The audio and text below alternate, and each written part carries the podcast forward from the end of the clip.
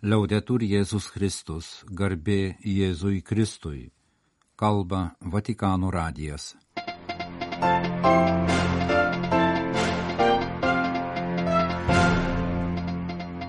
Malonus klausytojai šioje trečiadienio vasario 14 programoje popiežius vadovavo Pelinų trečiadienio mišioms, trečiadienio bendrosios audiencijos katechezė.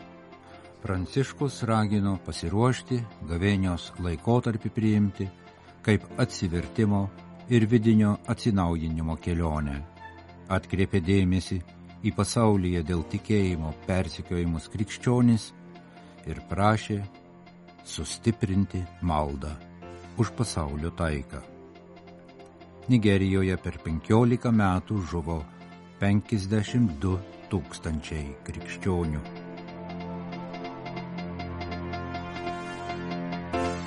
L'elemosina, la preghiera e il digiuno non possono ridursi a pratiche esteriori, ma sono vie che ci Išmalda, malda ir pasninkas įgalina mus skleisti Dievo meilę ant daugelio kasdienio gyvenimo situacijų dulkių, kad į jas sugrįžtų viltis, pasitikėjimas ir džiaugsmas.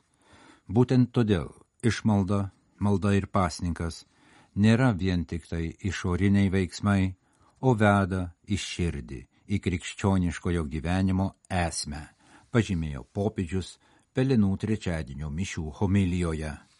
Trečiadienio popietę popiežius vadovavo Pelinų trečiadienio mišioms Šventosios Sabinos bazilikoje ant Romos Aventino kalvos prieš mišes jų dalyviai su popiežiumi ėjo atgailos procesijoje iš netoliese esančios Šventojo Anselmo bažnyčios.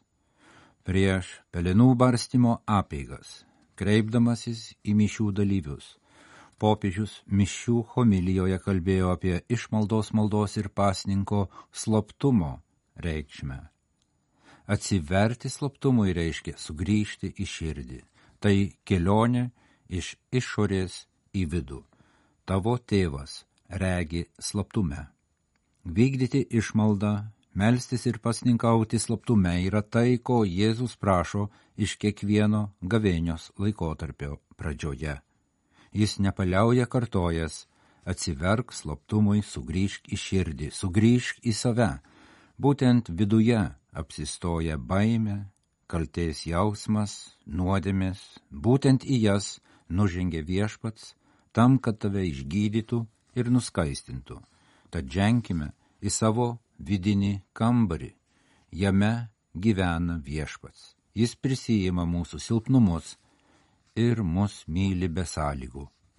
Per gavėnio savaitės paskirkime vietos tyliai šlovinimo maldai, kurioje galėtume klausytis viešpaties akivaizdoje taip kaip Moze, Elijas, taip kaip Marija ir Jėzus. Atgręžkime širdies ausis tam, kuris tyloje nori mums pasakyti. Prestiamo l'orecchio del cuore a colui che nel silenzio vuol dirci io sono il tuo Dio. Aš esu tavo Dievas, gailestingumo ir atjautos Dievas, atleidimo ir meilės, švelnumo ir rūpestingumo Dievas. Neteisk savęs, leisk, kad mano meilė paliestų pačias giliausias ir slapčiausias tavo širdies vietas ir to apreikštų tavo grožį, kurį pražiūrėjai, tačiau kuris tau vėl taps regimas mano gailestingumo šviesoje. Fratelli, sorelle, non abbiamo paura di spogliarci dei rivestimenti. Nebijokime atsisakyti pasaulietiškos prabangos ir sugrįžti prie širdies, prie esmės, ragino popiežius. Šventasis Pranciškus Asižėtis, apsinuogindamas visą esybę, apkabino dangiškai tėvą. Prisipažinkime, esame Dievo mylimos dulkės. Jo dėka atgimsime iš nuodėmės dulkių į naują gyvenimą Jėzuje Kristuje ir šventojoje dvasioje.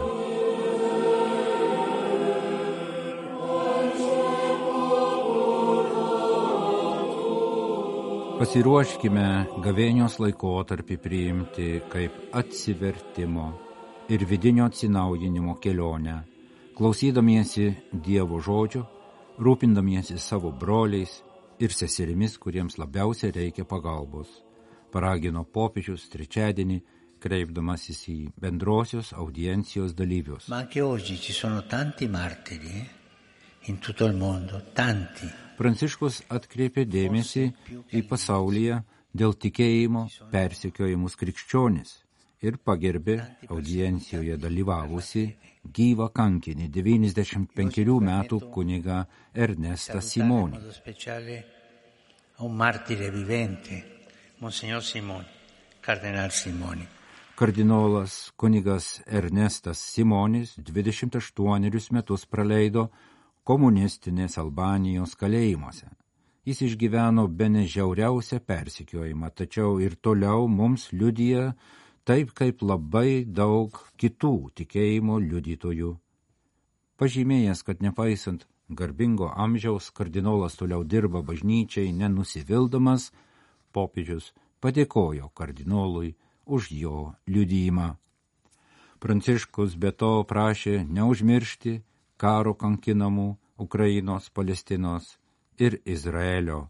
Melskime už šios brolius ir seseris, kurie kenčia dėl karo. Ženkime pirmin atsivertimo keliu, klausydamiesi Dievo žodžio, rūpindamiesi pagalbos reikalingais broliais ir seserimis ir sustiprindami maldą, ypač maldą už pasaulio taiką, paragino popiežius Pranciškus. Andiamo avanti nell'intensificare la preghiera, soprattutto per chiedere la pace nel mondo. Popiežius Pranciškus trečiadienio bendrojoje audiencijoje kalbėjo apie dar vieną didelę nuodėmę, kuri dažnai sutapatinama ir supainiojama su paprastu tingumu. Graikų kalba Akedija ar lotynų kalba asedija reiškia ką kita - tam tikrą būdėjimąsi, apatiją, nejautrumą. Tingėjimas yra greičiau to pasiekmeniai priežastis.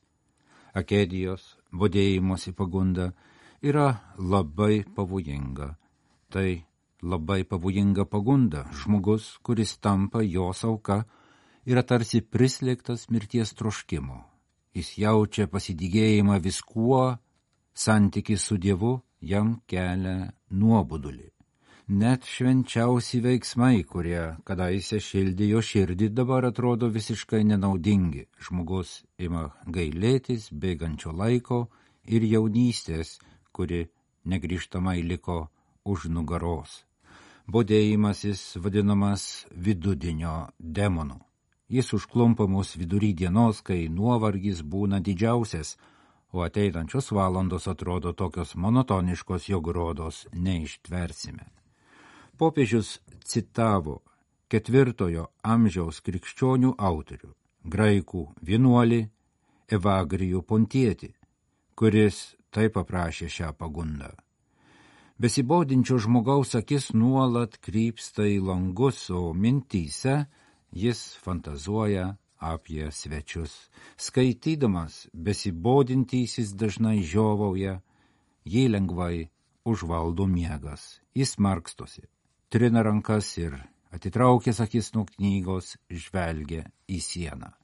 Vėl nukreipęs jas į knygą jis dar truputį paskaito, galiausiai palenkęs galvą, pasideda knygą po ją ir užmiega lengvu miegu kol jo nepažadina alkis ir neparagina pasirūpinti savo poreikiais.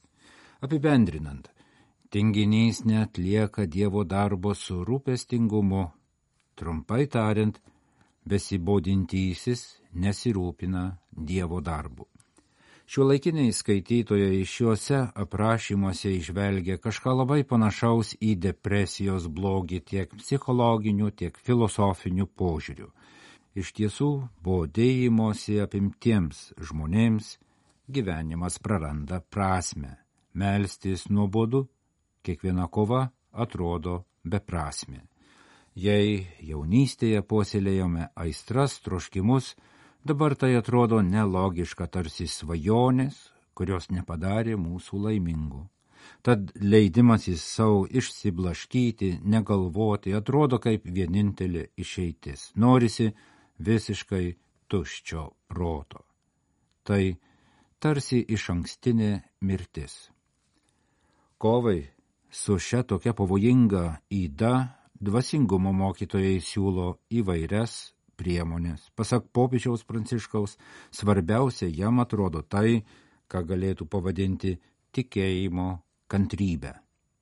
Nors veikiamas būdėjimuose žmogus trokšta būti kažkur kitur, pabėgti nuo tikrovės, tai ko reikia yra drąsa pasilikti ir priimti Dievo buvimą čia ir dabar, tokioje savo situacijoje, kokia ji yra. Vienuoliai sako, kad jiems celė yra geriausia gyvenimo mokytoja, nes ji yra vieta, kuri konkrečiai ir kasdien kalba apie jų meilės istoriją su viešpačiu. Bodėjimosi demonas nori sunaikinti būtent šį paprastą čia ir dabar džiaugsmą, dėkingą stebėjimąsi tikrovę. Jis nori priversti patikėti, kad viskas veltui, kad niekas neturi prasmės, kad neverta niekuo ir ne vienu rūpintis. Kiek daug žmonių apimti bodėjimosi, apimti beveidžių nerimo, kvailai apleido savo pradėtą gėrio kelią. Kova su bodėjimusi yra lemiamas mūšis, kurį reikia laimėti bet kokią kainą. Tai kova, kuri neaplenkia ir šventųjų, nes daugybės iš jų dienoraščių yra keli puslapiai, kuriuose pasakojama apie baises akimirkas, tikras tikėjimo naktis, kai viskas atrodė tamsu. Šie šventieji moko mus kantriai ištverti naktį, priimant savo tikėjimo skurdą. Jie patarė, kankinant bodėjimuisi, laikytis mažų įsipareigojimų, užsibriežti ranka pasiekiamus tikslus, bet tuo pat metu atsispirti, ištverti atsiriamant į Jėzų, kuris niekada mūsų neapleidžia pagundoje. Tikėjimas, skaudžiai susidūręs su bodėjimuosi išbandymu, nepraranda savo vertės, priešingai tai tikras tikėjimas, labai žmogiškas tikėjimas, kuris nepaisydamas visko, nepaisydamas aklinos tamsos, vis tiek nuolankiai tiki. Quella fede che rimane nel cuore come rimangono le braccia sotto le cieli. Tai tikėjimas, kuris išlieka širdyje taip kaip žarijos po pelenais. Jis visuomet išlieka, o jei kas nors ir papuola į šios įdos pasus ar susiduria su bodėjimosi gundimu, te pasistengia pažvelgti vidujei ir apsaugoti tikėjimo žarijas. Šitaip ženkime pirmin. Kada karą galima apibriežti kaip karą? Ar reikia oficialių deklaracijų ar dviejų priešiškų armijų? O gal būtina pasiekti tam tikrą mirčių skaičių? Nigerija, Afrikos milžinė, turinti 200 milijonų gyventojų, daug metų kariauja pati su savimi. Ilgą laiką dėmesį traukė islamo Boko Haram terorizmas šalies šiaurės valstijose, kur dauguma gyventojų islamo išpažinėjai Dabar jau kurį laiką neramumai vyksta centrinėje šalies dalyje. Kova dėl išteklių čia persipina su etniniais ir religiniais skirtumais, didėja konkurencija tarp fulani genties piemenų, atvykstančių iš vis sausesnės šiaurės žemių ir vietos krikščionių ūkininkų, kurie jau seniai yra išpolių taikiniu. Pakanka pažiūrėti, kas įvyko per kalėdas, kai keturias dienas Plato valstijoje daugiau nei tūkstantis fulani užpuolė krikščionių bendruomenės Bokos, Mangų ir Barkino ladus rytise. Žuvo 170 žmonių, po to valstijoje paskelbta komendanto valanda. Daugelis buvo priversti persikelti, ieško prieglopščio bažnyčiose, bažnytinės organizacijos teikia pagalbą, nes trūksta vyriausybės paramos sako fondo pagalba kenčiančiai bažnyčiai atstovai. Jalangas Mandongas per žudynės netekęs dešimties giminaičių sakė, kad išpolio tikslas buvo taikytis į krikščionis, sutrikdyti kalėdo šventę bandant užgrobti šių bendruomenių žemės. Neseniai smurtas vėl pasikartojo, regione žuvo daugiau nei 50 žmonių. Mokyklos šventovės ir namai padegti, kaltininkai fulanų piemenys kilę iš Šiaurės Nigerijos, vis labiau kenčiančios nuo sausrų ir potvinių, šie klajokliai piemenys ieškodami žemės savo gyvuliams keliauja į pietus, į Beromo ir kitų, daugiausia krikščionių etninių grupių, ūkininkų gyvenamas vietas.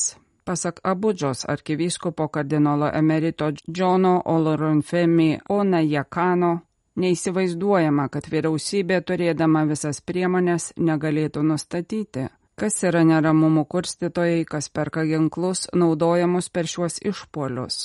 Kardinolas pabrėžia, kad tai, kas vyksta, yra daugiau nei karas. Mes vis dar laukiame, ką darys mūsų vyriausybė.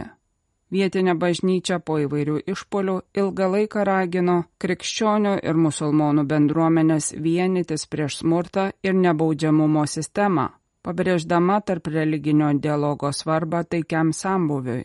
Nėra noro tvirtinti, kad tai religinis persekiojimas, tačiau reikia išsiaiškinti, kas gina smurtautojus.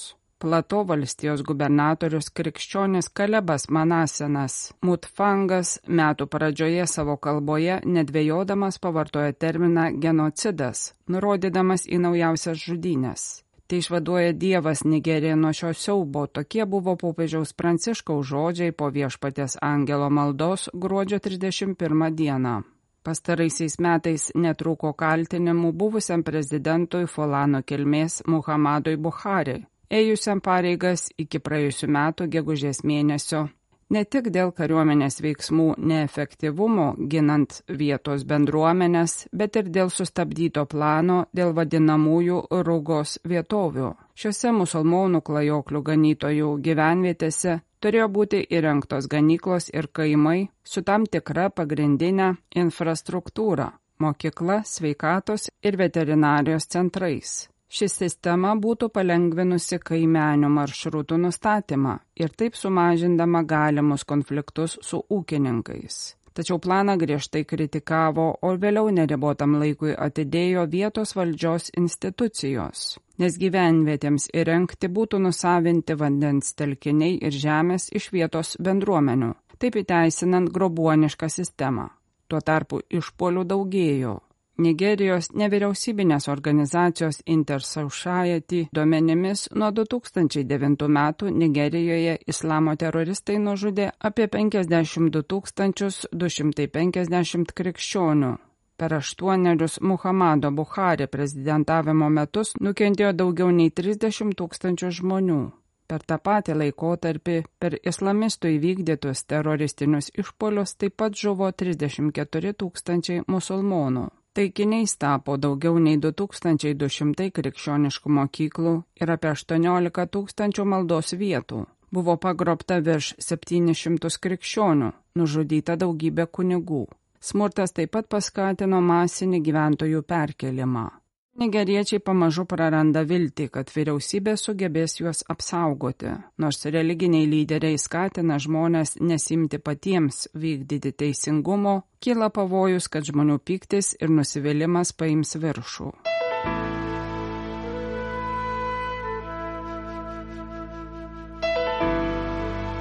Kalba Vatikano radijas laidą lietuvių kalba baigime.